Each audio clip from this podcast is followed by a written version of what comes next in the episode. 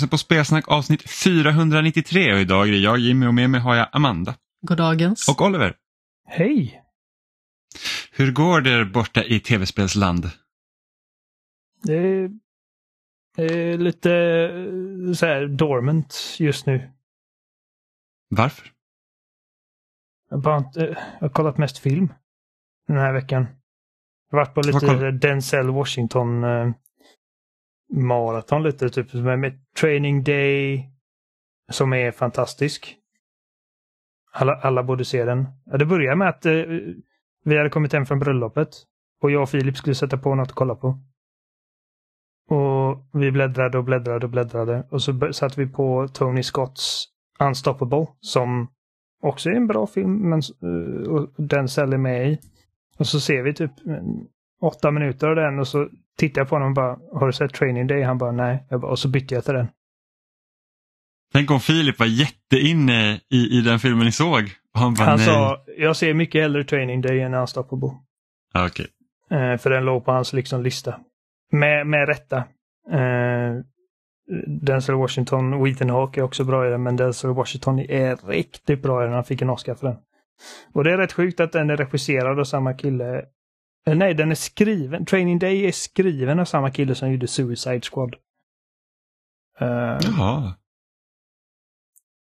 Så, Men är, är Training Day, är den baserad på en bok från början?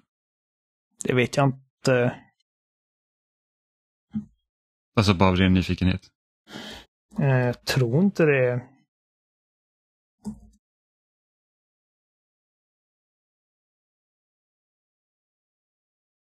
Nej, det verkar inte så. I alla fall inte den snabba okay. googling jag hittade. Nej, okej. Okay. Nej, det, det, jag var bara nyfiken. Jag har ju och, Jag såg den också på din rekommendation. För flera ja. år sedan.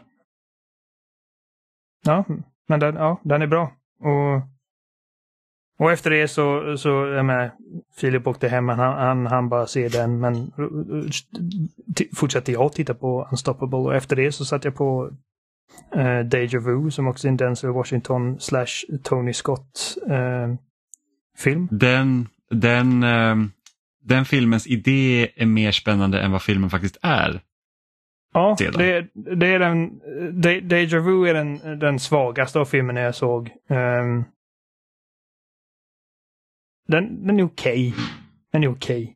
Ja. Men, men, men inte mycket mer så. Tony Scott har, har gjort bättre grejer. Um, och sen avslutade vi med ytterligare en Tony Scott-film. Uh, som jag inte har sett innan och den heter Crimson Tide. Och den var bra. Om, också med uh, Denzel, eller? Också med Denzel Washington ja. och Gene Hackman.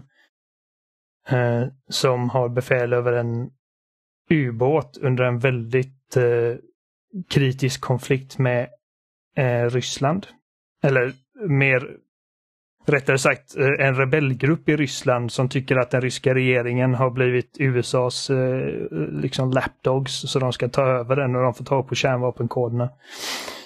Och eh, det är liksom kärnvapenkrig som hotar och de står i valet och kvalet i den här ubåten. Ska vi avfyra? För att de fick ett meddelande som sen avbröts.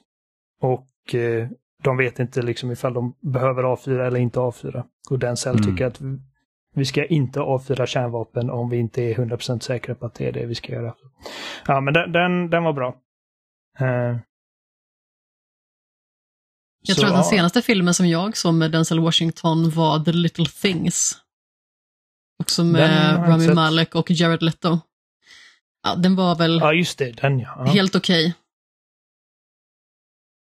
Det var Jared ingen kanonfilm på något sätt. Uh, nej, Jared Leto är en sån skådespelare spelare slash artist som jag eh, under några år var ett väldigt stort fan av. Men sen så har det liksom jag bara tycker att, eh, jag vet inte, nu har jag svårt för honom av någon anledning. Jag tyckte han var asbra. Jag gillade hans band 30 Seconds to Mars. Liksom, de två första skivorna var bra, sen kom den tredje och den var fortfarande liksom bra, men man börjar ana liksom att okej, okay, det här är inte ett inte nödvändigtvis lika mycket av ett rockband längre och sen så blev det bara liksom att, åh oh, gud, det känns som att jag lyssnar på liksom popmusik som en tolvåring hade kunnat slänga ihop. på fritiden och det, liksom där är, fan han börjar närma sig 50 den människan nu liksom. Och jag bara, ja.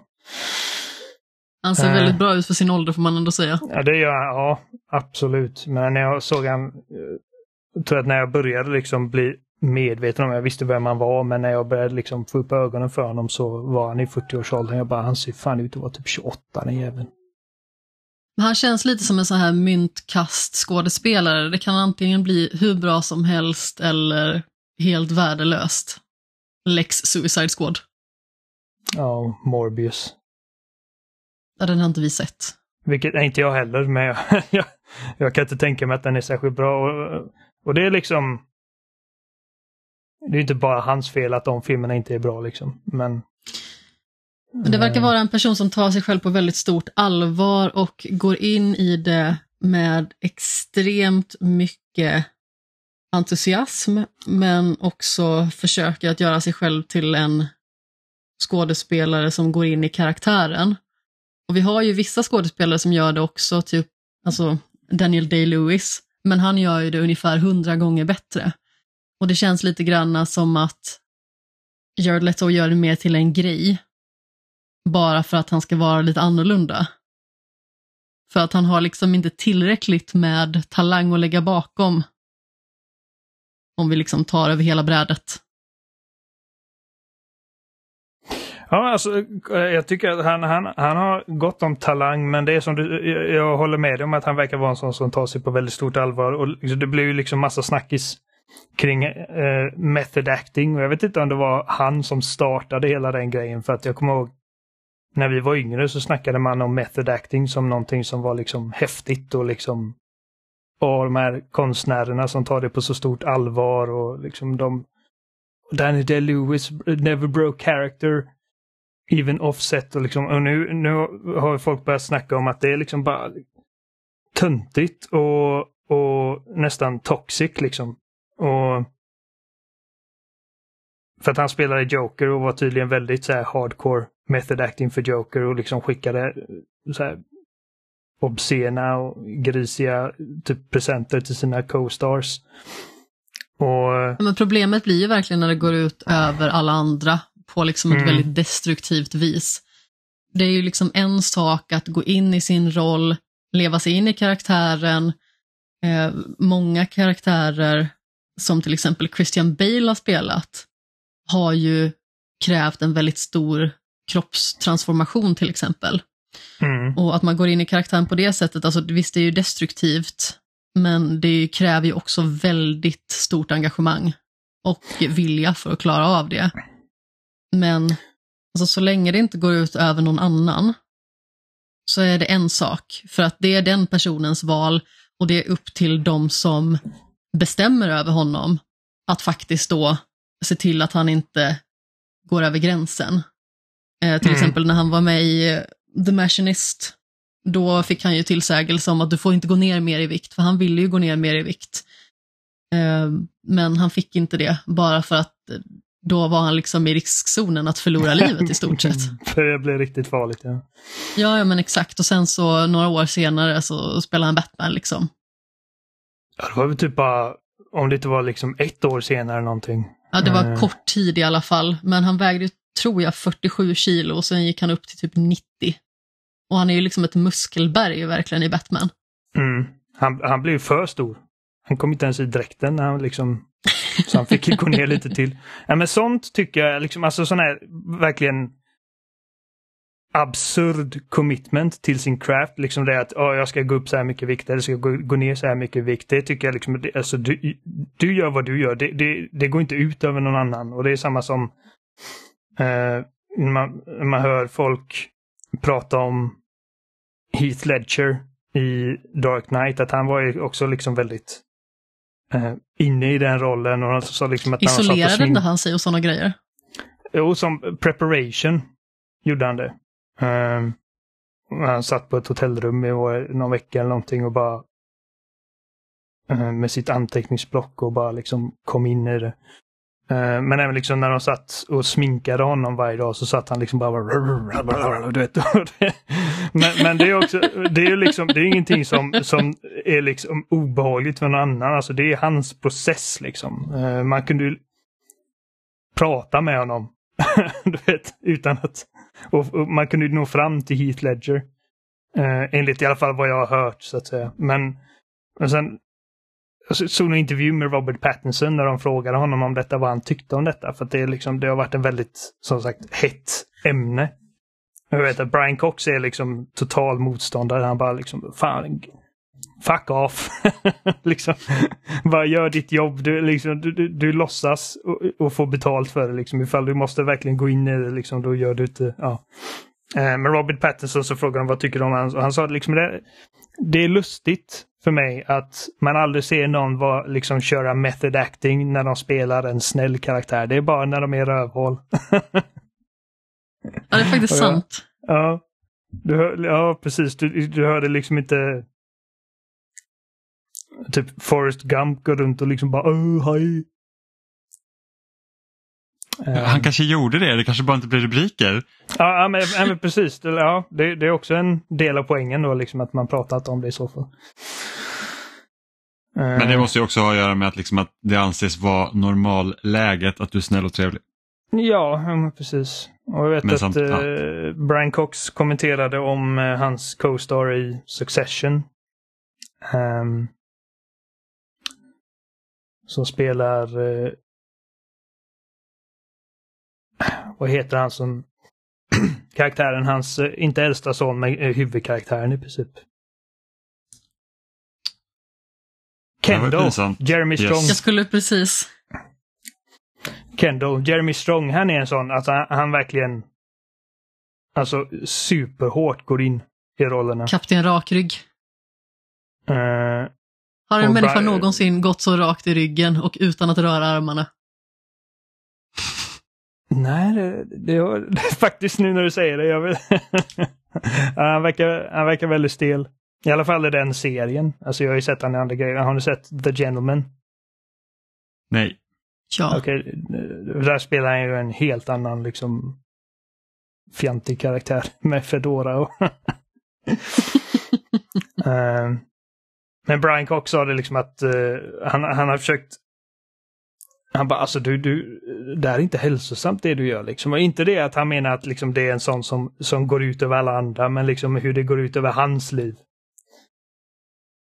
Uh, men sen la han också till att men samtidigt så resultaten talar för sig själv för han är jävligt bra. Ja, men precis. Det är en fin linje där. Samtidigt så är ju deras jobb att vara skådespelare. Och någonstans kan jag ändå känna att då måste man ju kunna välja när man ska gå in i rollen. Och att då istället utsätta sig själv för, och kanske andra, att gå runt i den rollen konstant. Jag vet inte riktigt. Ska man inte kunna skådespela på beställning? Det är väl det hela jobbet går ut på. När kameran rullar, då är det igång. Då är du den här karaktären.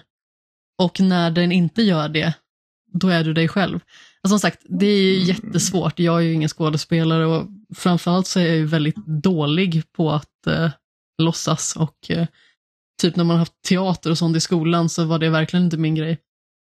Så jag kanske inte kan sätta mig in i situationen, men samtidigt så jag har svårt liksom att se att man i månader, i vissa fall kanske år, bara liksom går in totalt i sin karaktär och liksom inte släpper den. Hur är man med sig själv? Undrar jag då. Är man sig själv normal? På, ja, men särskilt beroende på liksom då vilken karaktär man spelar. Alltså, jag menar, just det här att jobbet är ju inte att du ska liksom bli någon, någon när kameran rullar och sen gå tillbaka när kameran inte rullar. För att liksom, jobbet inbegriper inte vad du gör utanför kameran. Liksom. Så att alltså, så länge man får resultat. Jag tänker, hade jag varit regissör och jag har liksom den här skådisen och han är en asbra skådis och han kommer realisera den här karaktären åt mig. Ifall hans process är liksom att okej, okay, jag kommer liksom verkligen gå in i, det här, i den här karaktärens liksom skalle under hela produktionen, ja men då får det vara så. Liksom. Eh, huvudsaken är ju som sagt att inte går ut över någon annan. Nej men precis, det kan ju verkligen skapa klyftor i en produktion. För när man kollar Daniel Day-Lewis, liksom, alltså man, ingen kan säga att han inte är en bra skådis. Han är ju otrolig. Eh, ja. Men han, han, Sån jäkla men, karisma.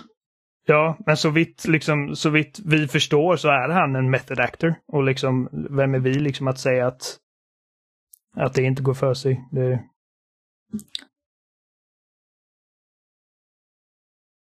Ja. Undrar hur han förberedde sig för I Faderns namn. Satte han sig själv i finkan i typ ett år innan? En, en grej jag undrar mer än så är, Anmäler mig frivilligt. vad är liksom det sjukaste en karaktär har gjort i, i förberedelse för, eller karaktär, en, en skådespelare har gjort i förberedelse för en roll? Ja du. Ja, det kommer vi nog aldrig få veta. Jag kan ju nog tänka mig att typ en sån grej som Christian Bale när han svälter sig själv och är så smalig. Ja, det är liksom, bisarrt är liksom ganska mycket på gränsen till liksom att vara sjukt. Ja, ja, gud ja. Han äventyrar ju sin hälsa något kopiöst. Ja, ja, jo. Men alltså jag kan Jag är ju alltså helt övertygad om att det finns skådespelare som har liksom satt sig i typ så här. Ifall de ska göra en fängelseroll. Att de har förberett sig liksom att stänga in sig i en fängelsecell eller någonting, ett par dygn eller någonting. Jag vet inte.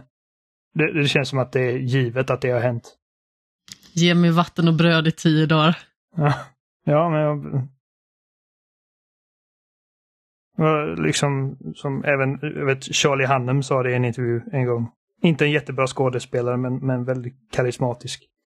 Och han sa att eh, han mellan två filmer, han hade blivit castad i en roll men i den första så skulle han vara liksom lite buff och i den andra så skulle han vara liksom mer av en everyman och regissören var väldigt orolig. Liksom, du ser ut som en actionhjälte, så här kan vi inte ha det. Han bara, det är lugnt jag fixar det, oroa dig inte. Och liksom så hade han liksom varit typ två månader på sig att gå ner. Och han sa att jag åt ett äpple om dagen i typ två månader. Fy sablar. Gud, måste varit måste typ nästan börja hallucinera sen ju. Och själsdödande. Eh, Och du undrar om det här äpplet blir äckligare eller godare med tiden? ja, precis. Blir det liksom att man är så hungrig att det är typ liksom Dagens höjdpunkt. Ja. Ja. Eller är det bara, Mm. fy fan vad trött jag är på den här skiten. Tänkte bara tillägga också innan vi går vidare, om vi ska göra det inom en eh, snar framtid. Så om man inte sett I Faderns namn så borde man göra det. Det är en makalös film. Gillar man Feelbad så är den perfekt. Feel bad, ja. Men du hade inte spelat någonting Oliver? Nej, inte direkt nej. Jag har spelat någon Rainbow Six Siege-match liksom någon kväll här och där. Jag har fortsatt spela lite Pikmin 4. Um, även om det har sagt att ni är lite. Och eh, jag spelar andra, andra avsnittet av eh, The Expanse med, med, som jag sa innan, att jag känner att det är lika bra att vi pratar mer om det när vi har spelat allt. Om jag, bara kan, för jag som inte har spelat andra episoden, så här, lovar det gott? Eller liksom, är det, är det plus eller minus? Jag känner att det är plus minus noll i det här läget liksom jämfört med förra för att eh, storyn liksom tas till sin nästa anhalt. Men det eskaleras inte särskilt liksom utan det, nu är det mer liksom att uh, Camina Drummer ska liksom ska komma in i sin nya ledarroll. Och man Mm. får lära känna sitt crew lite bättre. Och det är liksom, det, det var nice så sett men eh, Alltså hur, lång- var det typ också en timme eller? ja. Ja, okej. Mm. Ja. Bra att veta vad man har att vänta sig. Men hur, hur, är, hur går det med Rainbow Six så här idag? Eh, jo, men det... det hur, många, hur många operators är det? Åh gud. Eh, alltså det är bra många fler än vad det var när du spelade sist. Ja men det vet jag, för jag tror att när jag spelade sist då var det väl uppe i det var väl säsong tre eller fyra som hade börjat tror jag, när jag liksom körde ofta. Mm. Vad brukar det komma då? Typ två eller tre operators per säsong? Snabb googling säger 65. Åh helvete, det är skitmånga. Ja, det är, det är många. Och eh, jag, jag, jag får liksom, alltså ett företag som jag eller en, en publisher som jag inte ofta ger beröm till. Så alltså Ubisoft sköter det här spelet jävligt bra. Um, det, det, har kommit långt sen, sen release och de fortsätter liksom att arbeta, arbeta på det för att hålla det intressant och fräscht. Uh, nya lägen och nya operators och det som är mest imponerande är liksom att de Precis som när det kommer en ny hero i Overwatch eller någonting, liksom att, att det inte direkt bara förstör allting. För att man mm. nu plötsligt liksom slänger in en ny ability i den här liksom så här meta sandboxen. Um,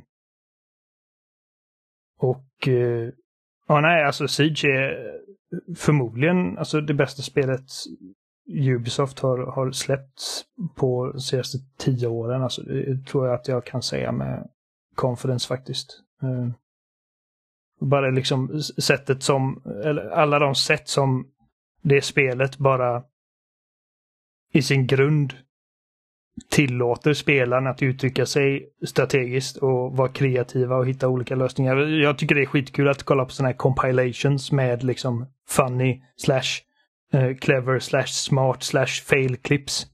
Och man bara ser liksom, bara gud, jag har aldrig tänkt på att jag kan använda den här lilla gadgeten på det sättet eller eh, liksom att det, ingen match blir riktigt den andra lik. Och eh, Ja, nej, det är, det är ett imponerande spel. Mm. Ja, jag har ju... Jag känner att jag har liksom inte riktigt tid att spela eh, multiplayer riktigt. Eh, inte till den grad som jag skulle vilja i så fall för att liksom vara bättre än medioker. Grejen är att alltså, jag känner att du hade kunnat hoppa in i, i Siege och spela liksom kanske några matcher en kväll och ändå känna liksom att ja, men jag kommer in i det här för att Särskilt om du spelar med oss liksom, och bara hänger på vad vi gör. Men, jag, jag hoppar inte in i det spelet själv och spelar. Utan det, alltså, det är Robin som säger åt mig vad jag ska göra vid varje hörn. För att han har liksom sina så planer utstakade liksom från början. Pappa Robin fixar. Ja. Faxar. jo men eh, absolut, men jag känner ändå så att jag, det är liksom, jag kan inte spela på den nivån jag vill spela på och då måste jag spela mer och det liksom, jag tror inte att jag har riktigt det i mig. Mm. Jag hoppade in, för att det är liksom inte som att hoppa in typ i Halo. Liksom det går lite dåligt i början av Halo men det, det är liksom inte, dör du i Halo så är det inte lika Förödande. Du behöver inte vänta lika länge till exempel, eller förödande och du, liksom har inte, alltså du drar inte ner ditt team på samma sätt som du gör i Siege eftersom där alla, alla är liksom viktiga för varandra så att säga. Nej, och man har Halo-tänket liksom med sig. Yes. Uh, som jag spelar lite idag medan jag är mellanspel. Och det är väl, det är väl kul. Men jag vet inte, jag... Um... Det är svårare med multiplayer idag än vad det var för några år sedan. Känner jag. Ja, jo alltså det tycker jag med. Ju äldre jag blir desto svårare blir det. Mm. Um, jag känner att mina reaktioner är inte lika blixtsnabba som de brukade vara. Även om, jag menar, det går ju att spela, alltså vi... Vi har viss framgång när vi spelar. Mm. Um, och Siege är också ett sånt spel att det, det är mycket viktigare att, att tänka rätt än att liksom kunna poppa ett headshot 360 liksom. Ja, gud ja. Eller ja, beroende på vem man är.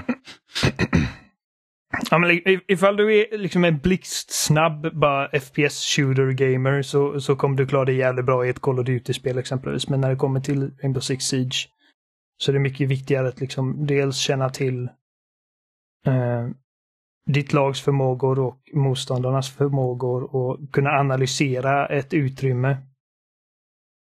Och försöka ta liksom de bästa vägarna och de bästa approacherna.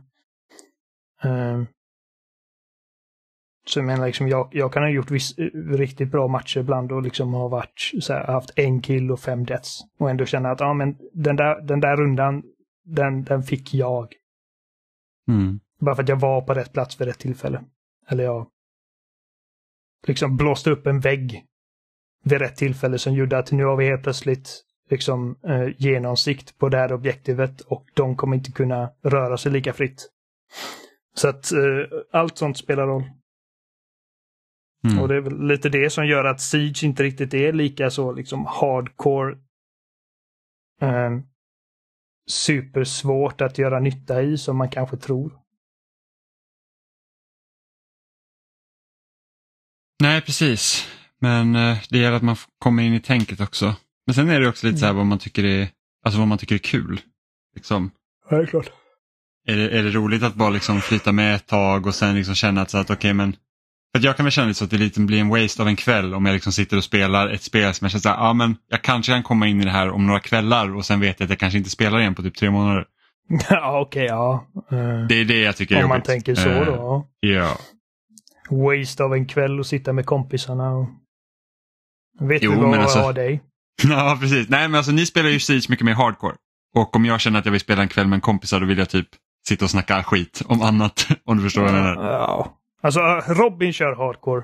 Gustav Jag vet att Robin- lite grann. jag vet att- jag, jag kör inte hardcore. Alltså, Jag vet att Robin kör hardcore och jag vet att jag hade kunnat deraila Gustav så att hela Robins kväll blir förstörd.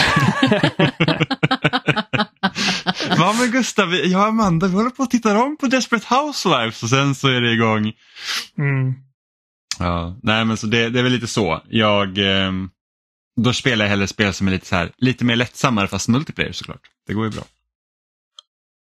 Eh, jag, så, jag har varit lite sugen på att typ så här ladda ner Modern Warfare 2, alltså från eh, 2009 och köra det för de har ju typ fixat server eller någonting sånt så att det är lättare att hitta matcher igen. Och det var ju Mm. jävligt roligt när det begav sig, bara för att liksom testa men ja, Mm. Det är, det är inte riktigt samma sak sen om man spelar själv såklart.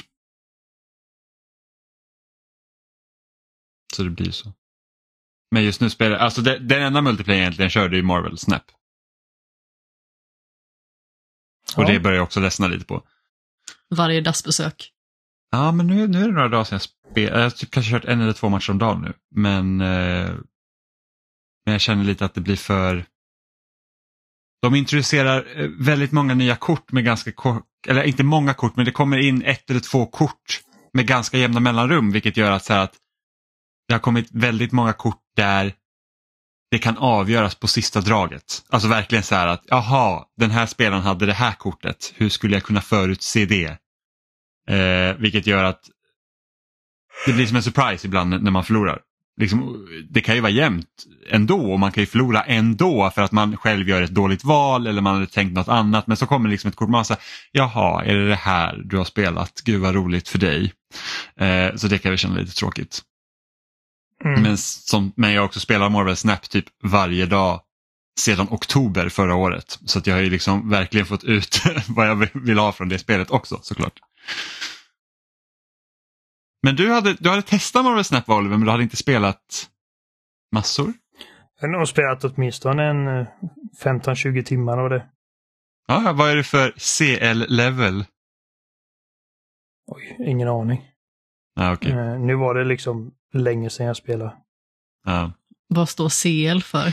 Eh, collection level, så när du levlar upp dina, när du uppgraderar dina kort så går du upp i level också för att kunna liksom få Ja, du kan få nya kort och, och lite annat. Eh, så det, och, och man matchmakas efter sin level också. För att ju högre level du har ju större chanser att du har också fler kort. Min första tanke var Champions League, men okej. Okej, okay. vilken är Champions League? Ja, men man ska kunna kalla det Champions League som man kan betala för att öka i om man så vill.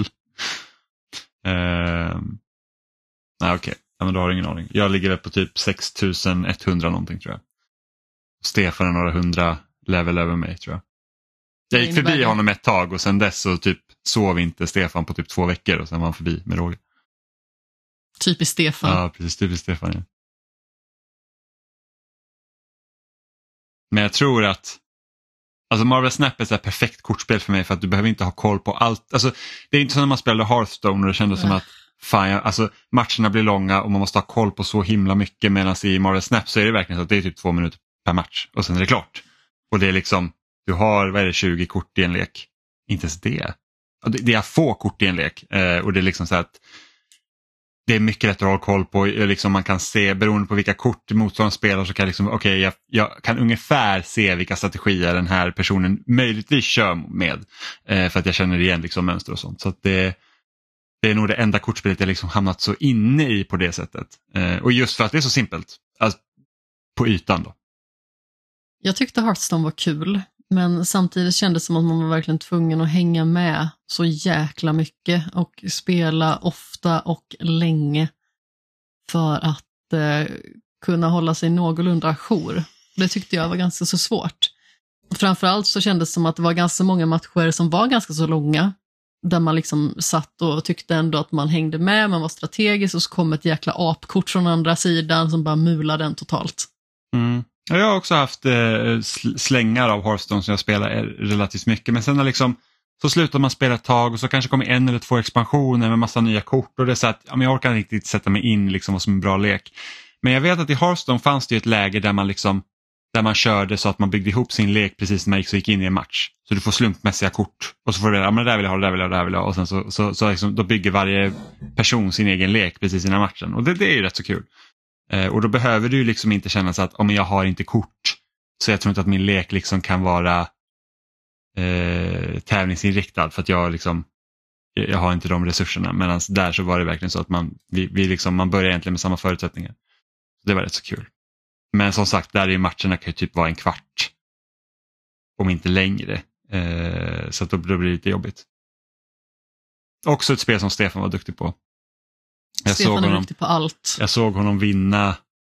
Han liksom tog, det var en sån match, jag tror det var han hade byggt ihop sin egen lek och så ska man ju komma liksom till, man ska vinna typ 13 matcher på rad eller någonting sånt för att få liksom det bästa och det gjorde han när han var hemma hos mig. Så det var nice att se. Stefan in action. och sen typ klarade han Shovel Knight på typ en timme och åt med efter det. Det är kul. Eh, men Amanda, du hade ju spelat en liten gammal klassiker Ja, det har jag faktiskt gjort. Alltså förutom att klara Yakuza Like a Dragon, äntligen, så har jag gett mig på ett betydligt mindre spel. Det är nämligen så att To the Moon har legat i min skämshög sedan skämshögen började existera ungefär. Det är ett spel från 2011 av en liten studio som heter Freebird Games om jag inte missminner mig. Och eh, det här var en sån liten pärla som många pratade om, liksom i indiesvängen, som eh, någonting väldigt fint och känslosamt som man borde ta sig an om man gillar den typen av spel. Och jag har börjat spela det tidigare flera gånger, både mobilt och på Steam, men det har liksom varit något form av ställe där jag har fastnat. Och jag tror att jag börjat spela det kanske tre, fyra gånger. Typ alltid på samma ställe, så tappar jag tråden. Och så eh, seglar spelet ut över horisonten för mig och så påbörjar jag något annat. Jag vet inte riktigt varför det är så, för att när jag spelade den här gången så upptäckte jag inte nästan ens det stället. Jag glömde nästan till och med av vad det stället var för någonstans. Men eh, nu är jag ju nästan i slutet, alltså bara minuter från slutet skulle jag nog säga. Så eh, den här gången kommer jag ju definitivt klara det och spelet kommer ta sig skämshögen. Men det handlar i alla fall om två läkare som besöker en man som ligger på sin dödsbädd. Och eh, de här läkarna är inte helt vanliga utan deras uppgift är att uppfylla personers sista önskan när de är i livets slutskede egentligen. Och hans önskan är att åka till månen. Lite orimligt kan tyckas, men det de gör i alla fall för att kunna plantera det minnet skulle man väl kunna säga som den här personens sista. Det är att de vandrar sig igenom personens minnen. Så man får verkligen lära känna personen, vad den har gått igenom. Det handlar liksom väldigt mycket om kärlek och förståelse och det är liksom väldigt emotionellt, väldigt starkt. Och jag tycker verkligen liksom att eh, jag förstår varför det är så många som har propsat på att man ska spela det här. Det är inte långt, det är kanske sådär tre timmar. Men det är väldigt strömlinjeformat. Du har liksom den här tydliga berättelsen som skaparna vill förtälja. Du vandrar dig igenom den här döende mannens minnen. Du får ta del av hans livshistoria, eller väldigt liksom viktiga beståndsdelar i hans livshistoria, som liksom är väldigt rörande. Och eh, sedan så får man liksom små pussellösningar som man då ska ta sig an på varje sånt här eh, segment av minnen egentligen. Hur kommer det sig att de måste gå igenom mannens minnen för att uppfylla hans önskan? Och jag minns inte riktigt, de har någon form av, eh, av maskin som måste eh, typ laddas upp eller vad man ska säga. För att kunna uppfylla önskan från första början? Då? Ja, jo, men precis. Okay. Jag kan nog förklara det lite bättre nästa vecka. Jag har varit så investerad i minnena så jag har lite grann glömt varför man behöver gå igenom dem ordentligt. Ja, jag fattar. Nej, jag tänkte att det kanske var någon grej att de hoppar in i minnena och så typ ändrar de vissa saker i hans minnen för att liksom hans nya verklighet då ska bli, alltså att det ska kunna gå till överlag. Ja, men det de gör egentligen det är ju att de ser till att det här minnet blir det sista som personen får mm. innan han dör.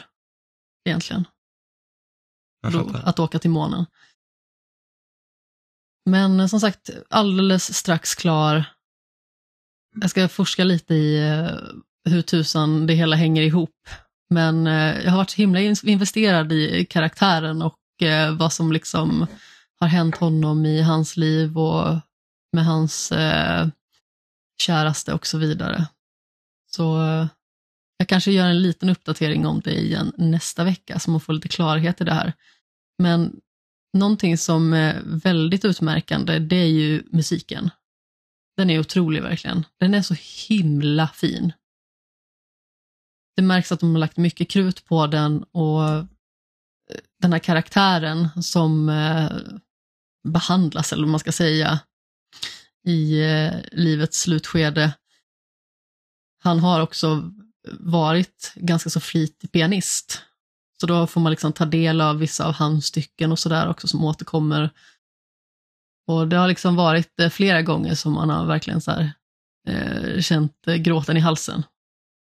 För Det är en väldigt stark upplevelse, liten, kompakt och jag uppskattar verkligen att man liksom inte lägger till max massa extra fluff. Visst, man kan gå runt och kolla i, i huset eller vid fyren eller ute liksom i skogsmiljön som är bredvid och sådär, om man vill. Men det är liksom inte det att det är en massa sidouppdrag som kan förhala det som är viktigt i berättelsen och spelet egentligen. Mm. Så det tycker jag om väldigt mycket. Framförallt ska det bli väldigt skönt att också ha det avklarat. Sådär. Eh, jag tycker att eh, när man liksom har haft ett spel i skämshögen så pass länge så eh, känns det extra tillfredsställande när det liksom är avbockat. Jag vet många spel som jag har startat upp sådär som inte är så himla långa men av någon anledning som har fastnat. Jag vet Never Alone är ett sånt spel som är väldigt fint men jag har också fastnat där någonstans. Det är det här eh, spelet med den vita räven. Mm. Eh, även Thomas Was Alone som inte alls är många timmar, det är väl typ en och en halv, två timmar vad jag har förstått. Det är också ett spel som jag har börjat spela och så har jag tappat tråden antar jag. Eller liksom bara så här, ah, det fattar jag inte. Mm. Och eh, mycket beror väl på liksom ens bristande erfarenhet av spel och hur de fungerar kanske. Och att man liksom ger upp för fort. Och nu när man är lite äldre, förhoppningsvis kanske lite klokare, så är det kanske lättare att ta sig an vissa saker också. Att man testar sig fram mycket mer och inte tänker bara, ah, nu är det inte tydligt vad jag ska göra här. Jag lägger mig ner och dör. Ja, alltså, eh, alltså en fördel man har idag jämfört med vad man hade förr, det är att man kan googla på, ah, på det man inte vet. Alltså, det kunde man ju faktiskt eh, under den tiden som jag började spela mer olika sorters spel också naturligtvis. Men jo, det kanske är mer tillgängligt var, idag till och med. Inte, för att, alltså, jag minns ju alltså när, när, när jag liksom började verkligen, liksom, eller ja, när jag spelade typ Pokémon Röd redan det på slutet av 90-talet, då var det ju så här liksom att jag var fan fast i typ Moltres grotta i liksom en vecka. För att jag inte visste vart man skulle gå eller liksom att man såg inte riktigt skillnad på pixlarna i, på Gameboyen eftersom skärmen är inte upplyst och man sitter där med en jävla ficklampa i mörkret ska lysa och, och majoriteten av skärmen reflekteras tillbaks på en själv så att man blir typ bländad samtidigt som man försöker hitta rätt och putta på de här jävla stenarna. Det är skitjobbigt när man är i den kolsvarta grottan och inte har fått flashen och man bara, jag ska ta mig igenom ändå. Ja, precis och jag tror det går att komma igenom utan Ah, ja. flash. Ja. Jag är ganska så säker på det för Eh. att det, det tror jag att jag har gjort. Ja, eller när man typ var yngre liksom och spelade så man, man höll ju på med ett och samma spel liksom i, i, flera veckor, ibland liksom månader för att man liksom att ah, men jag är fast på det här stället nu och man försöker och försöker och försöker och till slut så kanske det går. Idag, alltså jag har ju inget tålamod. Alltså sitter jag fast en längre stund, jag bara så här, "Nej, jag, jag vet inte vart jag ska, jag, bara, jag googlar. Och så kollar man. Ja men det är ju så, alltså, dels så finns det så himla mycket mer som pockar på ens uppmärksamhet, dels så är man ju eh, den som införskaffar spelen så att man har kanske ett större bibliotek av ospelade spel som man kan röra sig med. Eller spel som man vill spela om för den delen. Så att man har ju liksom samlat på sig en uppsjö spel som man kan ta sig an.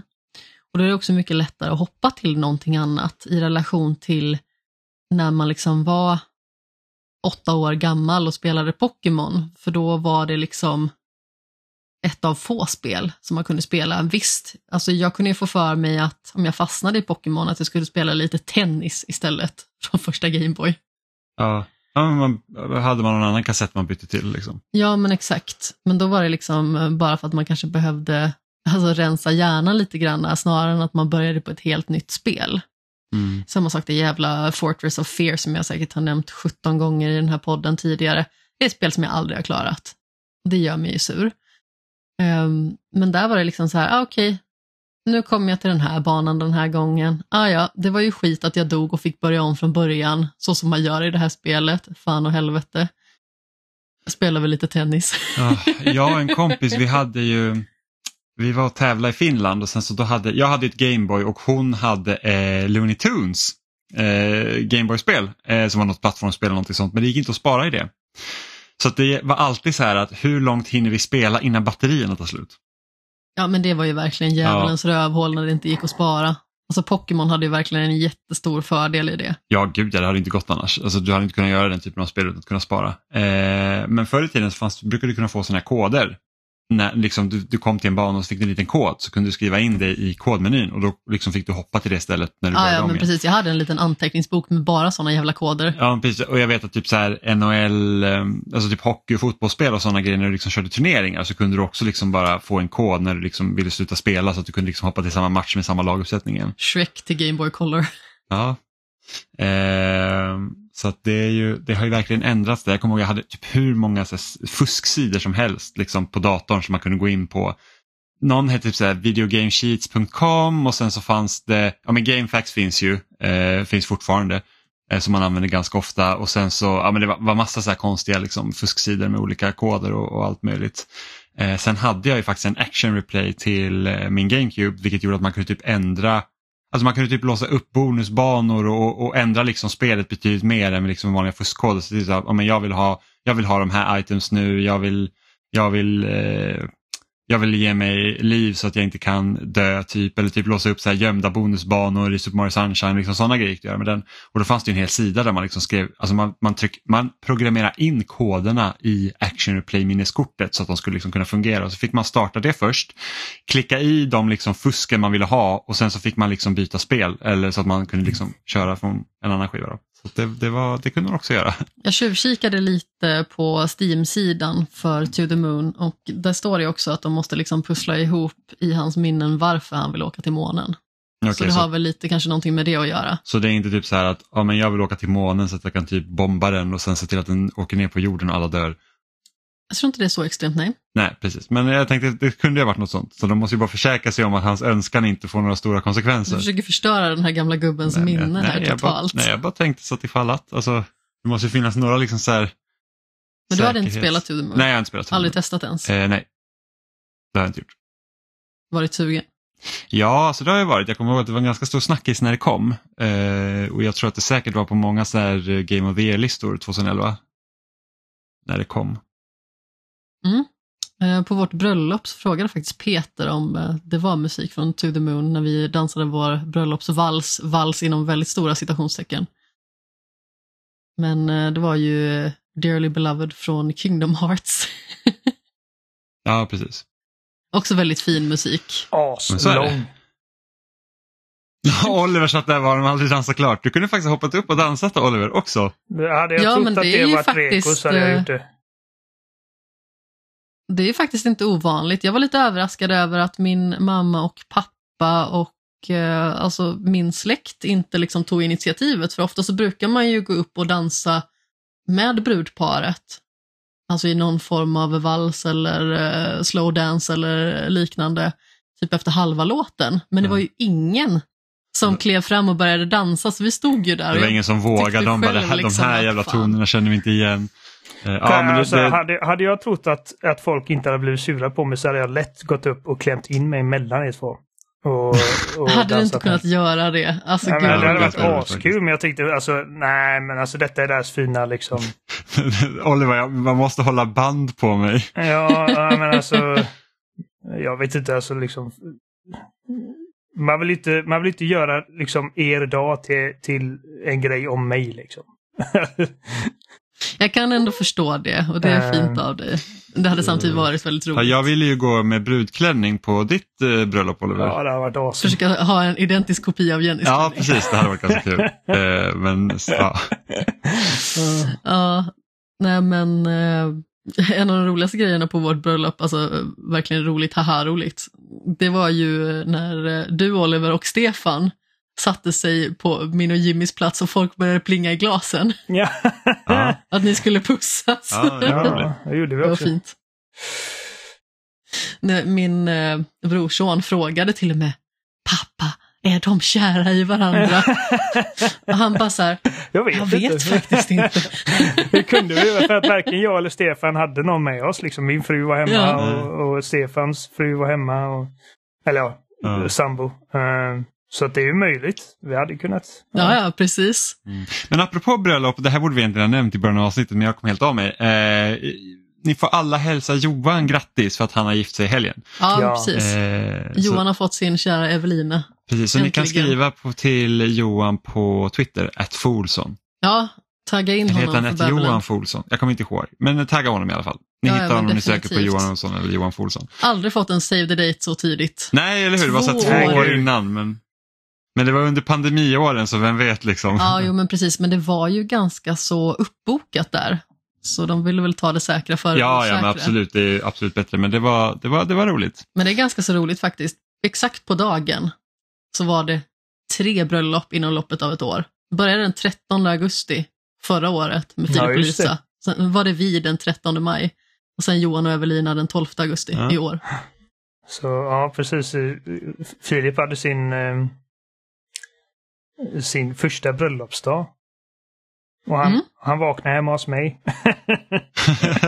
I din säng med dig. ja, precis. Hade Ja, varit något. ja, det var roligt. Ja, Eh, men det var en jättefin dag. Ja, det var det. Var jätte, det, Det var är verkligen en ynnest att bli bjuden på bröllop. Ja, ja men det var, det var jättetrevligt. Så eh, hälsa grattis till Johan. Eh, jag har ju också spelat ett spel den här veckan och det här är ett spel som jag har eh, sneglat på sedan det släpptes i, i tidigt i våras och det är ju Cassette Beasts. Också indie. Ja, precis. Eh, som är, det är faktiskt nog den första Pokémon-klonen som jag har kört. Eh, det har ju kommit några stycken eh, under årens gång, förutom Pokémon då. Kan säga att Pokémon är en klon på sig själv. Jag skulle precis säga, Eh, Pokémon är väl knappast en eh, Pokémon-klon. jag vet att det kom ett spel till det har varit i Early Access jättelänge och jag tror det var, kom typ i 1.0 förra hösten. Eh, och det, kom, det, det var också ett av de tidiga spelen på PS5 som jag inte minns vad det heter just nu. För det är också ett spel som jag vill ha spela men det är ju ett MMO snarare än liksom single player eh, spel. Eh, jag ska bara göra en snabb googling här så jag, kan, jag kommer störa mig ihjäl mig på om jag inte vet vad det heter. Eh,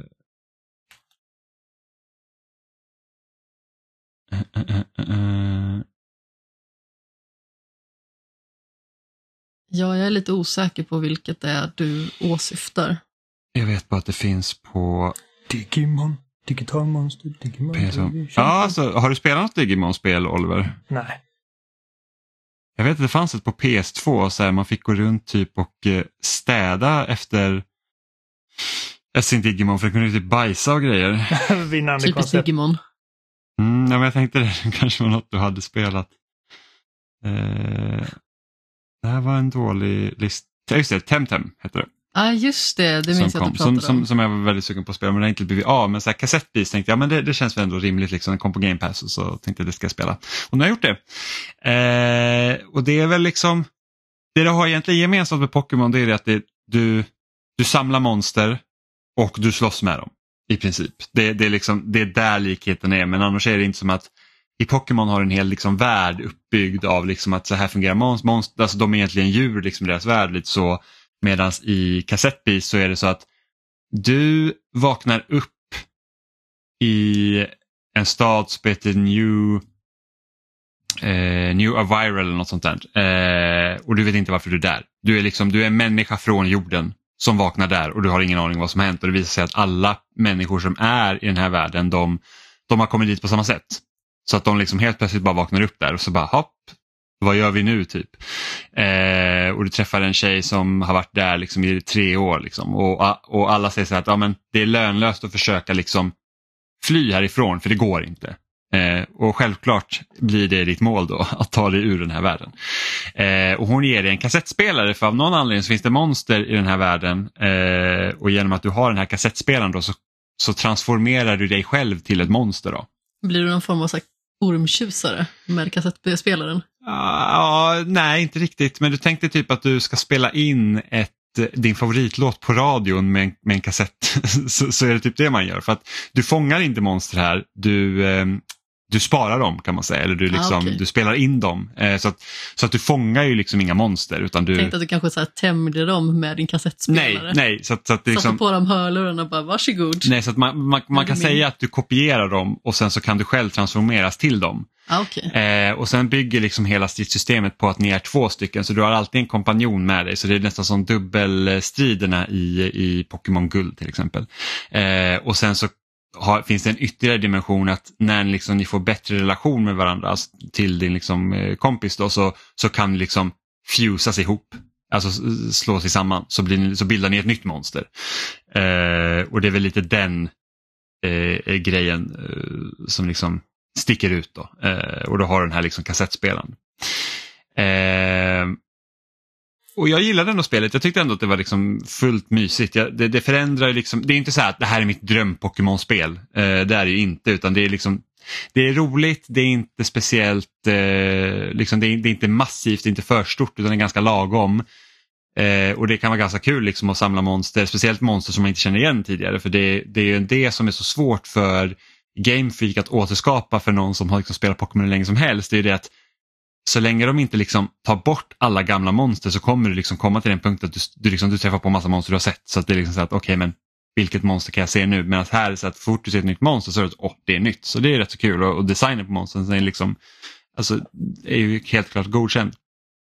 Eh, men här har du ju liksom inte heller där, i Pokémon har du ju målet så här, bara, men du ska bli du är Pokémon-tränare, du ska bli typ nummer ett, du ska slå Elit 4 och allting sånt. Och här, här är det ju inte så utan du har ju, världen är liksom öppen på en gång till dig. Du, du, liksom, du, du begränsas inte av att, ja men här är ett träd mitt i vägen som du absolut inte kan gå runt.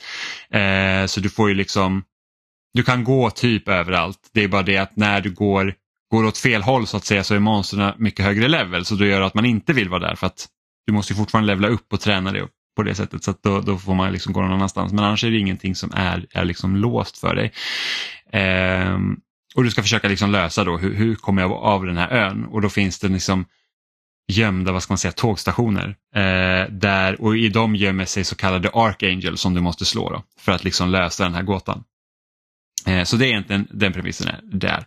Och då finns det liksom också massa andra grejer, för det finns ju så här typ starka tränare också som man skulle nästan kunna se som gym men du går liksom inte till ett gym utan de hittar dem ute i världen och så bara, ja, men jag utmanar dig så får man liksom slåss mot dem och sen så Ja, sen så kan man bli en, en, en, liksom en kassettbeast ranger och sen kan du bli en kassettbeast captain och så får du nya uppdrag och så kan du liksom göra dem om du vill. Eh, men det är liksom inte heller nödvändigt utan du behöver enbart egentligen lösa den här eh, gåtan om man säger så. Vem vill inte bli kapten kassett? Ja, men precis. Eh, och, och jag tror den, den roligaste grejen, liksom, eller den spinnen de har på eh, striderna i det här spelet jämfört typ med Pokémon, det är det att vilken typ Eh, ditt monster är på eh, och vilken typ av attacker du använder mot andra monster så kan det liksom förändra deras liksom monstertyp så att säga. Så att i, säg att du har typ, du möter en vattenpokémon med en ispokémon, äh, inte Pokémon. Säg att du möter ett vattenmonster med din ismonster. Eh, då kan du liksom, då, då ändras vattentypen av din isattack så att den också blir is. Eller om du möter en, en jord, ett jordmonster och så har du ett elmonster och så kör du dina elattacker då, då blir det liksom då kommer den ändras till typ en glas för att sand med el blir glas till exempel. Så att de liksom kör sådana grejer. Så det, det, det är liksom, Precis som i verkliga livet. Ja, men, ja, precis. Det ger en, en annan dimension till spelet också för att då är det inte så att du behöver inte bara tänka att den här attacken är bäst mot den här utan det är också okej okay, beroende på vilket monster jag har nu så kan jag ändra den andra monstrets typ vilket gör att det kan vara dåligt för mig. För att helt plötsligt kanske mina attacker blir ineffektiva. Eller till exempel, det finns en typ i det här spelet som är plast. Eh, och eldar man plast då blir de eh, gifttyper istället. Och slår du dem då så kommer du också bli förgiftad och förlorar hälsa på det sättet. Så det, det tycker jag är en ganska liksom så intressant och spännande mekanik. Eh, det gör ju också det hela att det är mer att hålla koll på. Men liksom så här, okay, vilken typ är bra mot vad? Eh, vad ska jag använda där? Så det, det, liksom, det blir lite oklart. Eh, och just det att du behöver då kanske inte heller det är liksom inte random om de blir, om man säger att du använder din el, elmonster till exempel så är det inte random om de liksom typ blir paralyzed som rör i Pokémon. Där finns det en chans att de blir paralyzed men elar du en vattenpokémon eller vattenmonster här så då är det liksom då kommer den att ge ifrån sig elektricitet vilket kommer skada den i flera omgångar och skada kanske även sin partner. Sådana. Sen alla, alla strider ofta eh, två mot två. Eh, men det, det, alltså för jag tyckte verkligen att det, det var liksom ett, ett, ett, ett, bra försök till att göra ett Pokémon-spel även om det liksom inte, det är inte som att jag får tillbaka de här liksom känslorna man hade när man spelade Pokémon Röd första gången eller någonting sånt. Utan det, Återupplever det liksom... din ungdom. Nej, ja men exakt, utan det är ju mest så här att ja, men det, det, det, det är en nice variant av den här typen av spel. Sen så kanske det liksom inte, det känns inte som det här massiva äventyret heller. Eh, Jättefint kan också tilläggas. Ja men det är det. Det ser typ ut som Pokémon Black and White. Liksom det är lite åt det hållet så du har ju liksom top-down view, det är 2D med 3D-objekt. Liksom, så att det, det, det, ser verkligen trevligt ut och monstren är, är, är sprites. Eh, och musiken är jättebra.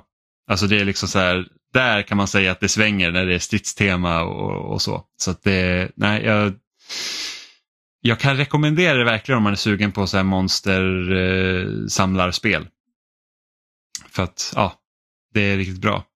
Eh, och har någon annan spelat flera av den här typen av spel, inte kassettvis men andra, så får man rekommendera det till mig för jag, kan, jag är lite nyfiken på vad som finns. Det känns som att jag har varit lite under en sten när det kommer till det eftersom man är så inne i Pokémon, liksom, att det är det jag spelar. Eller ja, nu säger inte jag spelar mycket Pokémon men liksom så att om det är den här typen av spel jag vill spela så är det Pokémon man tänker på. Men som sagt, jag tycker de senaste Pokémon-spelen har inte varit så här jättebra. Eh, och de, det senaste försöket är ju liksom för där kan man också se likheter både mellan kassettbis och sen Pokémon, vad blir det? Är det Sword and Shield som är, nej det är inte Sword and Shield, det är Scarlet och Violet. Scarlet och Violet, där hade du också sett att ja, men hela, hela världen är öppen från början och sen så kan du liksom gå lite och göra lite vad du vill. Men det liksom blir ju där var det svårt att hitta en riktning medan här är det inte det. Du har ju alltid ditt utsatta mål medan i, i, i senaste Pokémon så var det så här, men du kan jaga alla gym om du vill och sen så är det lite kruxigt att kunna komma in i vissa gym och så, eh, mm. eh, vilket gör det lite jobbigt. Jag uppskattade ju Arceus betydligt mer än det lilla jag tog del av, jag tror jag spelade Violet, om inte jag missminner mig. Mm. Jag spelade typ tre fyra timmar, du spelade nog det dubbla i alla fall. Ja, jag spelade nog 15 timmar tror jag. Innan jag Var det så mycket? Ja. Men det blir liksom så här att det, det är lite för öppet och sen de spelen lite, nästan lite för bare bones känns det som. Eh, det är liksom, alltså 2D-spelen är mycket bättre. Absolut. Eh, så att det är lite synd. Men ja, jag kan, jag kan rekommendera kassettbis om man vill, eh, om man vill köra den typen av spel helt mm. enkelt. Vad ska ni spela härnäst, Oliver? Ja. Uh, alltså det, det jag garanterat vet att ifall det inte blir någonting annat så blir det ju Armored Core i alla fall i slutet av månaden. Jag vet Vilket inte om datum jag ska, kommer det då igen? Den 25. Men Mm. det har kommit ett uh, mindre shooterspel på PC. Som hette Turbo Overkill. Ja, just det. Det har jag hört. Som, har hört, som jag, ja, jag har hört att det ska vara riktigt roligt. Så att, eh, och det kostar bara tydligen 150 spänn på GOG. Eh, Så att Mm. det kommer jag nog testa och förhoppningsvis ha, ha lite tankar om nästa vecka. Mm, fint. Jimmy? Jag vet inte. Jag, jag var lite så här och nosa på typ Fable Anniversary som jag aldrig spelade. Och jag har varit lite sugen på att liksom spela det så det kanske kan vara att jag eh, hoppar in i det. Sen så har ju, nu i veckan släpptes ju Quake 2 remastern också. Och jag har aldrig spelat Quake. Eh, och ettan finns ju redan så att jag tänkte kanske att jag skulle börja på Quake. Mm. Men jag är lite osäker. Eh, sen så kommer det ju som sagt, Armored Core kommer i slutet av månaden, Sea of Stars kommer i slutet av månaden, Starfield kommer i början av nästa månad. Så att det är liksom så här att, ja. Det är alltid jag som får slå ett slag för Goodbye Volcano High som kommer samma datum som Sea of Stars. Ja, Goodbye Volcano High också kommer så att det, det, det är inte brist på spel att spela. Nej, men vi har ju lite tid fram tills dess i alla fall och det är ju tur. Däremot så sitter jag redan och sörjer vår snart avslutade semester om eh, två dagar. Ja, Det känns faktiskt väldigt eh, tungt för att det är så jäkla skönt att vara ledig och Ja, bara spela videospel och gå långpromenader och träna och gå på bio och mysa. ja. Såg ni också att Assassin's Creed Mirage eh, tidigare lades? Ja, Nej. en vecka. Och det kändes ju ändå positivt för då kanske jag kommer spela det när det släpps. Ja, Vilket datum släpps den nu då? 5 oktober tror jag. 5 oktober, okej. Precis, så det blir inte li- lika tajt. Det skulle ha kommit... Ja, 12 tror jag. 12, ja, precis. Ja. Och, och, och, sen, och sen två veckor efter det, då är det tjockt. Då är det så här Alan Wake 2, Spider-Man 2 och Super Mario Wonder som kommer inom loppet av tre dagar. Vad står på schemat? Sjukskrivning. Ja men det, är lite, det känns lite som att man säger jag är ledig nu. Ja, nej, för nu har Ja. man eh, liksom lite under två veckor att spela Assassin's Creed. Och Eftersom att det inte är ett av de här 300 timmars spelen så lär man ju kunna ta sig igenom det. Jag hoppas att det, av alla Assassin's Creed så är det det som bara säljer gangbusters. Så de bara, vi kanske inte behöver liksom spendera sju år och 10 000 pers på ett spel. Vi kanske kan göra dem lite mindre och ändå tjäna mer pengar. Gärte kommer inte göra det. Nej jag vet. För folk jag snackar, vet. eller ja, fan vet jag. Men alltså men när man kollar liksom eh, reaktioner från folk när typ IGN rapporterar att det här kommer liksom vara ett så här 12 till 20 timmar långt. Och alla bara Åh, nu ska jag betala för, mi- för mindre, liksom, mindre värde och jag bara åh gud. Folk ser liksom inte... Men det är ju sådana som bara spelar Assassin's Creed Ja, varje gång, känns det som. Ja, men också så här, och man får, där får man liksom väga, så här bara, hur roligt hade du hela tiden i Valhalla som tog typ 120 timmar att klara? Ja, just det Jimmy. Ja, jag vet, jag gjorde allt. Eh, och- det, åter, alltså det är fortfarande det enda spelet i den serien som jag aldrig har klarat. Det är bara, Klarade du Rogue också? Ja. Ja, det har jag aldrig spelat. Nej. Det är helt okej. Nej men alltså, det, uh, nej, fy. Och jag menar, då, då, då kämpade jag verkligen de sista typ 30, timmar, 30 timmarna. Mm. Liksom att jag hade inte kul längre vid det laget, men jag bara alltså, det här kan inte vara det första Assassin's Creed-spelet, liksom, eller det enda Assassin's Creed-spelet som jag inte har gjort klart. Men, Ja. men det var bara alltså... Ja, jag Och orkar det, är lite, det är lite synd att du inte har klarat det med tanke på att det knyter ju an till Mirage. Ja, men det skiter jag i vid det här laget. Okej, så. Eh, alltså, jag kommer knappt ihåg storyn som, som det är liksom. Det, Ja, nej. eh, så, fuck it. Det, Men jag tror att det som händer i slutet av Valhalla knyter an till det som händer i slutet av Black Flag. En grej som de liksom så här bara Ja. introducerade och sen så bara, nej men nu gör inte vi med det, mer med det på typ tio år. Så, Jag kommer inte ihåg Ja, hur. Black Flag slutar heller. Men jag kommer knappt ihåg storyn i nå- något av de här spelen.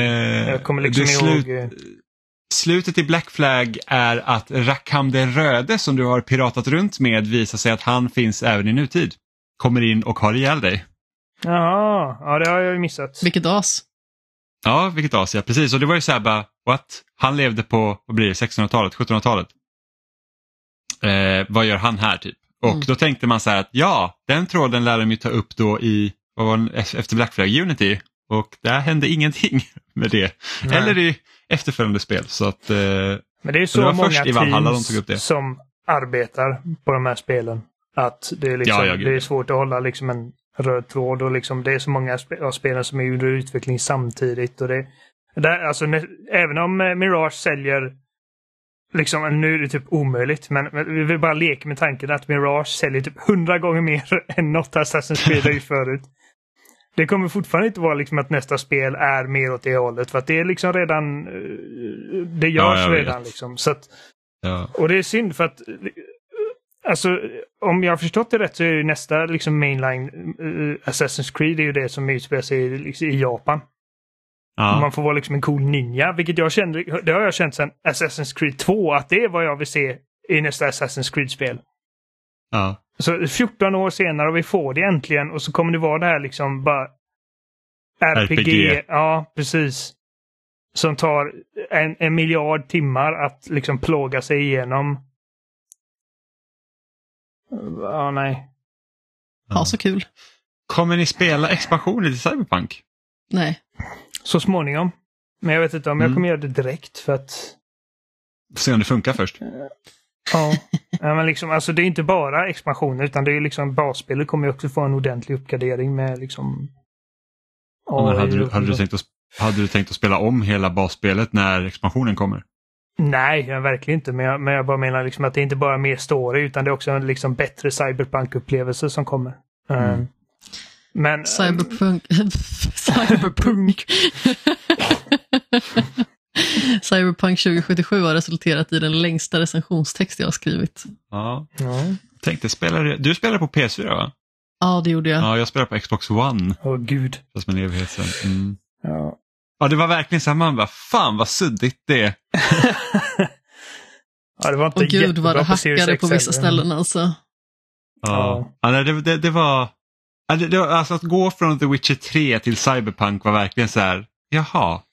Ett av de tydligaste minnena jag har från det spelet, det är när en av ens kompanjoner eh, hänger kvar i luften när man åkte iväg på ett motorcykeluppdrag. Och man är liksom framme vid stället som man ska ta sig in på, så hör man liksom att någon bara skriker massa olika aggressiva uttryck och sånt. Bara det att personen är liksom en kilometer tillbaka.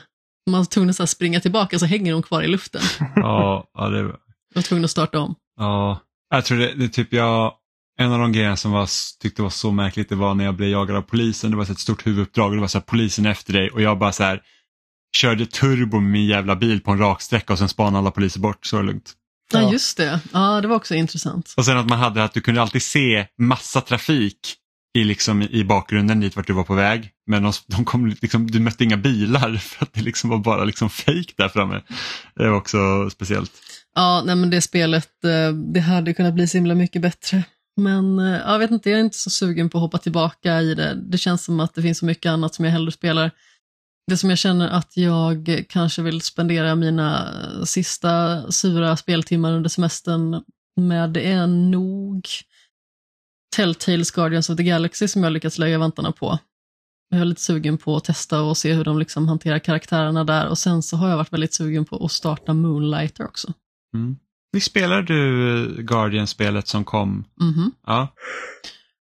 Det gjorde jag. Jag tyckte att det var ett alltså, oväntat bra spel. Alltså, jag var ju lite orolig att det skulle liksom vara i stil med Avengers, men det var faktiskt eh, mycket roligt och karaktärerna var faktiskt eh, alltså, väldigt underhållande. Och jag tycker nog faktiskt att innan tredje Guardians-filmen så var det definitivt eh, den bättre versionen av karaktärerna. För jag var inte så jätteinvesterad i Guardians 1 och 2 så som många andra var.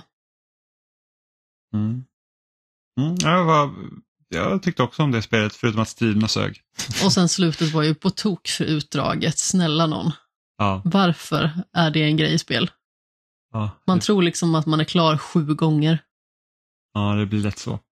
Ehm, en annan grej är också att vi har i slutet av sista helgen i september så kommer vi eh, att streama spel för att vi firar att vi ha, kommer släppa vårt 500 avsnitt.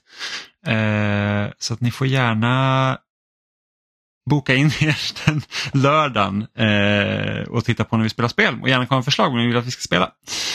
Eh, det hade varit roligt. Ja, Jag nickar ifall någon undrar. jag med. Eh, men, med, men med det sagt så är vi nog klara för idag. Eh, så ni hittar ju som vanligt oss på... ja, eller en ja, sista va, grej. va? Oj, vad var det Oliver? Vad Ja, vill du säga? Nu ska jag quizza er. Jaha, Oj, alltså, nu? Ja, nu. Varför inte? Jag har inte quizbyxorna på mig. Nej. Jag, jag har förberett fem frågor. Ja, okej. Och eh, jag tänker så här att det hade varit kul att göra detta till att, att det här är vad vi avslutar podden med, så länge vi orkar. Eh, och eh, kanske att, jag vet inte, att vi turas om och, och förbereder de här frågorna så att liksom alla får vara med. Men, men för just nu är jag helt okej med att quizza er. Eh, och Ja, det kan jag tänka mig att det är, din lilla skurk. Eh, och jag, jag, jag har bas baserat detta på spel som, som jag vet, i alla fall med 99% säkerhet, att ni båda har spelat. Så att jag inte tar någonting som bara Jimmy är liksom bra på eller som bara Amanda är bra på. Eh, Ja, men som jag sa tidigare, Gears 1, kryss 2. Ja. Vem förlorar då? 100% jag. precis. Eh, och jag vet inte riktigt hur vi ska Hur är göra. reglerna? För att, för att om, eh, ja, för att så här, eh, jag, jag spitballar här nu. Jag har fem frågor och detta är liksom, jag kommer inte ge er några alternativ eller någonting utan ni kommer få ge mig rätt svar. Ska man Eh. ropa sitt namn? Jag tycker vi båda får svara. Ja, båda får svara tänker jag, men, men jag vill också undvika liksom att det är den som svarar först och sen så bara liksom härmar den andra personen vad den första Nej, sa. men alltså, vi, får, vi, får, vi får helt enkelt tänka ut ett svar och sen så, sen så får vi bara låsa fast det. Är det inte bättre bara att man får säga sitt namn, den som svarar först? Får svara på frågan? Ja, nej, för att jag vill inte att det ska vara liksom en grej med reaktionsförmåga. Liksom. Alltså, eh, utan Ah, okej. eh, båda, båda ska få chansen att få en poäng per fråga. Att det man kan- ju skriva upp det i sin telefon till Ja, exempel då och så. eh, visa svaren sen. Så kan ni göra. Så att ni, ni skriver ner på vad det nu är. Papper, penna, dator, telefon och så har ni ett svar och så då, då håller ni koll på varandra också. Liksom att ni kör schysst. Mm, att Jimmy inte fuskar, just det. Så vi börjar med en eh, Arkham Asylum-fråga. Vilken, Ja. vilken alias använder Joker för att utpressa Dr. Young för att eh, göra den här eh, Venom-compounden? Du börjar lätt hör jag. ja. Så jag tänker att jag vara eh, ni får säga till när ni är redo. Liksom. Jag ser inte. Ja, ska, jag, vara- ska jag vara helt ärlig så kommer jag inte ihåg att han hade ett, ehm, ett nickname. Nej, för det var så att han ringde ju henne och sa Hej Dr. Young, det är Joker. Gör detta åt mig. Nej, han låtsades ju vara någon annan. När han korresponderade med henne. Hon insåg inte att det var till The Joker hon gjorde detta. Men har ni era svar?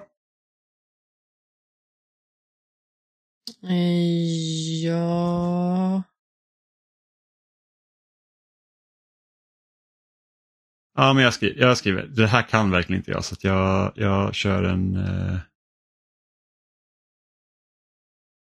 jag kör en fuling. Jag tänkte börja med liksom bara, åh vilken är den första skurken Batman tar ner i Arkham Asylum, men det är för lätt, det vet ni. Vilken är det? Bara för skojs skull. Vad sa du nu? Vilken är den första liksom eh, kända Batman-skurken som man liksom besegrar i Arkham Asylum? Det är väl Bane? Nej, Är det inte? det är Sass. Just det. Ja, men jag skriver ner Ja, mitt svar. ja, men okej, ja, så, så Jimmy. Jimmy vad, vad har du för svar? Okej, så här, jag har ingen aning. Eh, men jag skrev eh, Hugo Strange för jag tänkte det kanske var en koppling till eh, Arkham City. Mm, och Amanda? Och jag kommer inte heller riktigt ihåg, men jag vet ju att han tidigare har gått under aliaset Jack White. Det är Jack White! Amanda får en Det är poäng. det? Jajamän. Där ser man. Jajamän. Där ser man. Jack White gör mig så lite rasist i Joker. Den här, den här förmodar jag är, är lite lättare för er nu då. Vad heter ekoterrorgruppen som Cloud motvilligt jobbar för i Final Fantasy 7? Gud, står helt stilla för mig. Jag terra dig nu lite att jag redan har skrivit upp det? Ja, gud. Jag minns faktiskt inte. Jag kan säga att det är bara ett ord. Jo, ah, vänta. Ja, Ah. nu, nu så. Jag behövde, jag behövde tänka lite. Ah, Okej, jag är redo. Ja, Okej, så Jimmy, vad har du? Jag skrev Avalanche. Och det gjorde jag också. Ja, och det är rätt. Så det är ett, två. alltså jag tror det, jag behöver inte visa. Uh, ska jag Det är se. lika bra. Här Amanda. Horizon Zero Dawn-fråga. Hoppla. Hur många år in i framtiden börjar berättelsen i, i Zero Dawn? Liksom alltså huvudbulken av berättelsen, vad utspelar sig? Vill du ha exakt årtal eller ungefär? Ah, med i runda slängar, hur många år in i framtiden har vi? Liksom ett runt fint tal. Mm, Ett runt fint tal har jag skrivit. Gud, jag tänker så här, antingen är det typ 500 år in i framtiden så var det typ 1000 år in i framtiden. Ja, men jag Mm. kör 500 år in i framtiden. Okej, Och jag har skrivit tusen. och det är tusen. Ja, ah, fan också, jag ska ha tagit 1000. Så det är ett, tre. Den här. Och det här hade inte jag kunnat för att jag fick kolla upp detta. Eh, vad Ja, det känns ju lovande. ja, men det här, det, det här är inte mitt liksom favoritspel. Men eh, vad heter karaktären du spelar som i Gone Home? Vilket det låter inte som en jättekomplicerad fråga. Liksom, vad heter protagonisten? Hmm. Åh. Det är två namn som snurrar för mig. Ja, och jag vet inte om det är systern. Nej, exakt. Jag, jag skrev upp ett namn nu i alla fall. Jag tror inte att det är rätt. Jag har också skrivit ett. Mm. Amanda? Nu får Amanda börja. Är det Sarah? Jag tänkte att Sarah var systern, så jag skrev Jessie. Det, nej, det är Caitlyn heter hon. Slash Katie. Nice. Och hennes syster det, heter Katie. Samantha. Ja, men det var inte så långt ifrån med Sarah. Eh, men som jag förstår det så skådespelerskan heter Sarah. Eh, Ah, kan vara det också. Man Ja, men det, det var, det var inte med. lätt. Om Ingen jag av de här frågorna var jättelätta. Äh, och, kanske Avalanche i och för sig, men det är ju för att det är rätt. Om jag minns det rätt. Vanligt Men kan man spoila Gone Home nu? Liksom. Alltså det är tio år gammalt. Ja. För att Ja, det är det. det slutar alltså, kämpigt det blev just. I slutändan så handlar det väl om att det är liksom en tjej som har rymt iväg med sin flickvän. Ja. Och Ja, det, protagonisten precis. är inte den här... För jag, jag hade för mig att det var att protagonisten hade en flickvän. Men det var det inte va? Det var systern.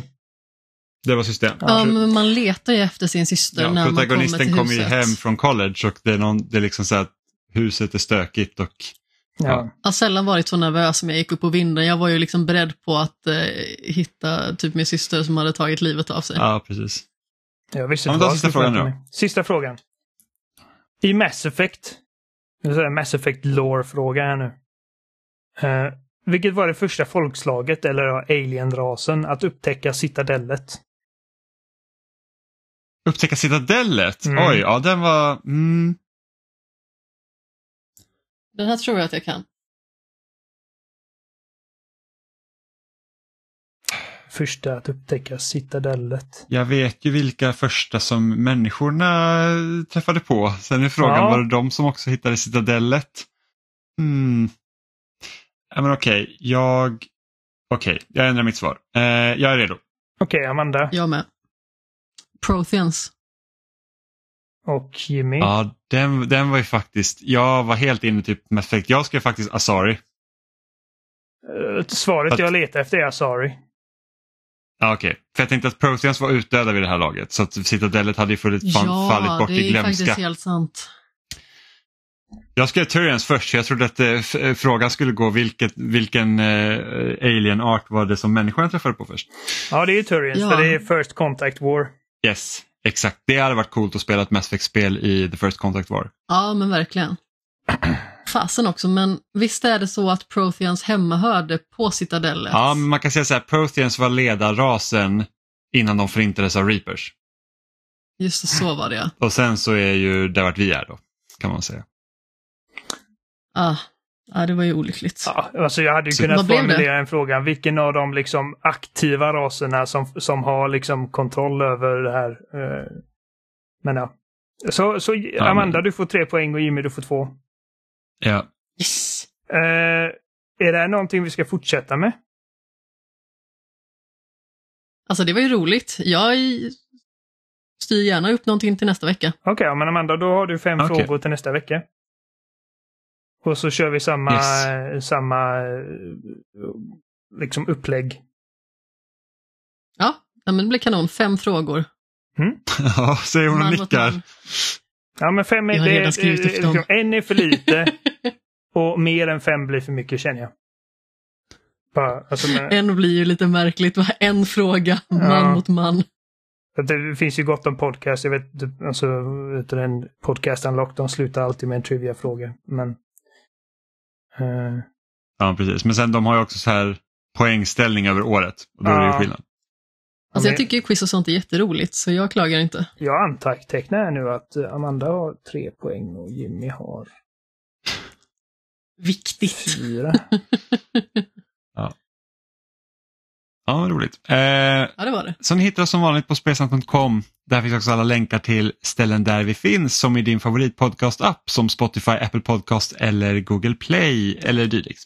Eh, ni kan också kommentera på sociala medier som Twitter, Facebook, Instagram eller skicka ett mail eh, till kontaktetspelsnack.com. Ni kan också surfa in på loading.se och kommentera även där för där läggs avsnitten upp varje vecka. Och så hörs vi igen nästa onsdag. Puss i ljumsken. Puss i ljumsken. ägd Amanda. Precis som du blev på quizet nyss. jag ägde dig först. Jimmy sitter och siding. Jag vet han inte. Nej, jag siding inte. Nej, nej. Tvåa på en pallplats är högre. Det är bara för att du är längre. Exakt. Fusk.